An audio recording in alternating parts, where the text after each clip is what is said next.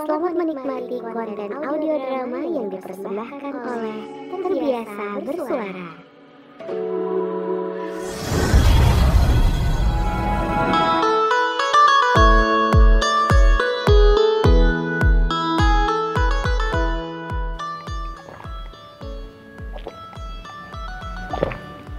Alhamdulillah, seger banget. Es kelapa muda emang paling the best buat buka puasa. Kalau aku sih es timun suri gak ada duanya. Udah nggak usah saingan. Ribet banget ya perkara takjil doang. Mau es kelapa, es timun suri, sama-sama enak kok. Selera masing-masing, Besti. Hmm, iya deh. Eh, Cis, El, lu berdua gak teraweh?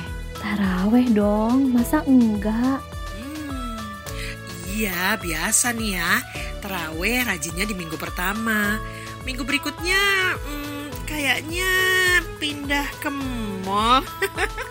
Ya Allah, istighfar Cis. Gak gitu dong. Taraweh itu istimewa.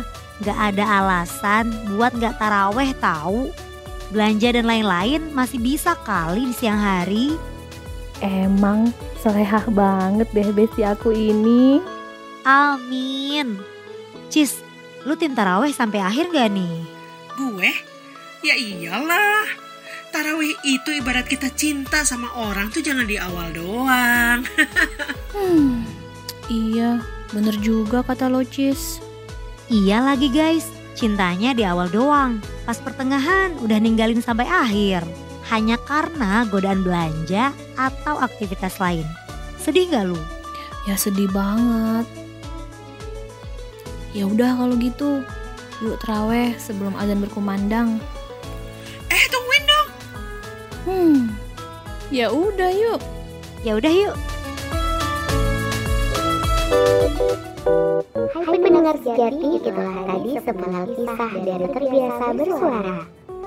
Kamu bisa mendengarkan Terbiasa Bersuara di platform podcast kesayangan kamu.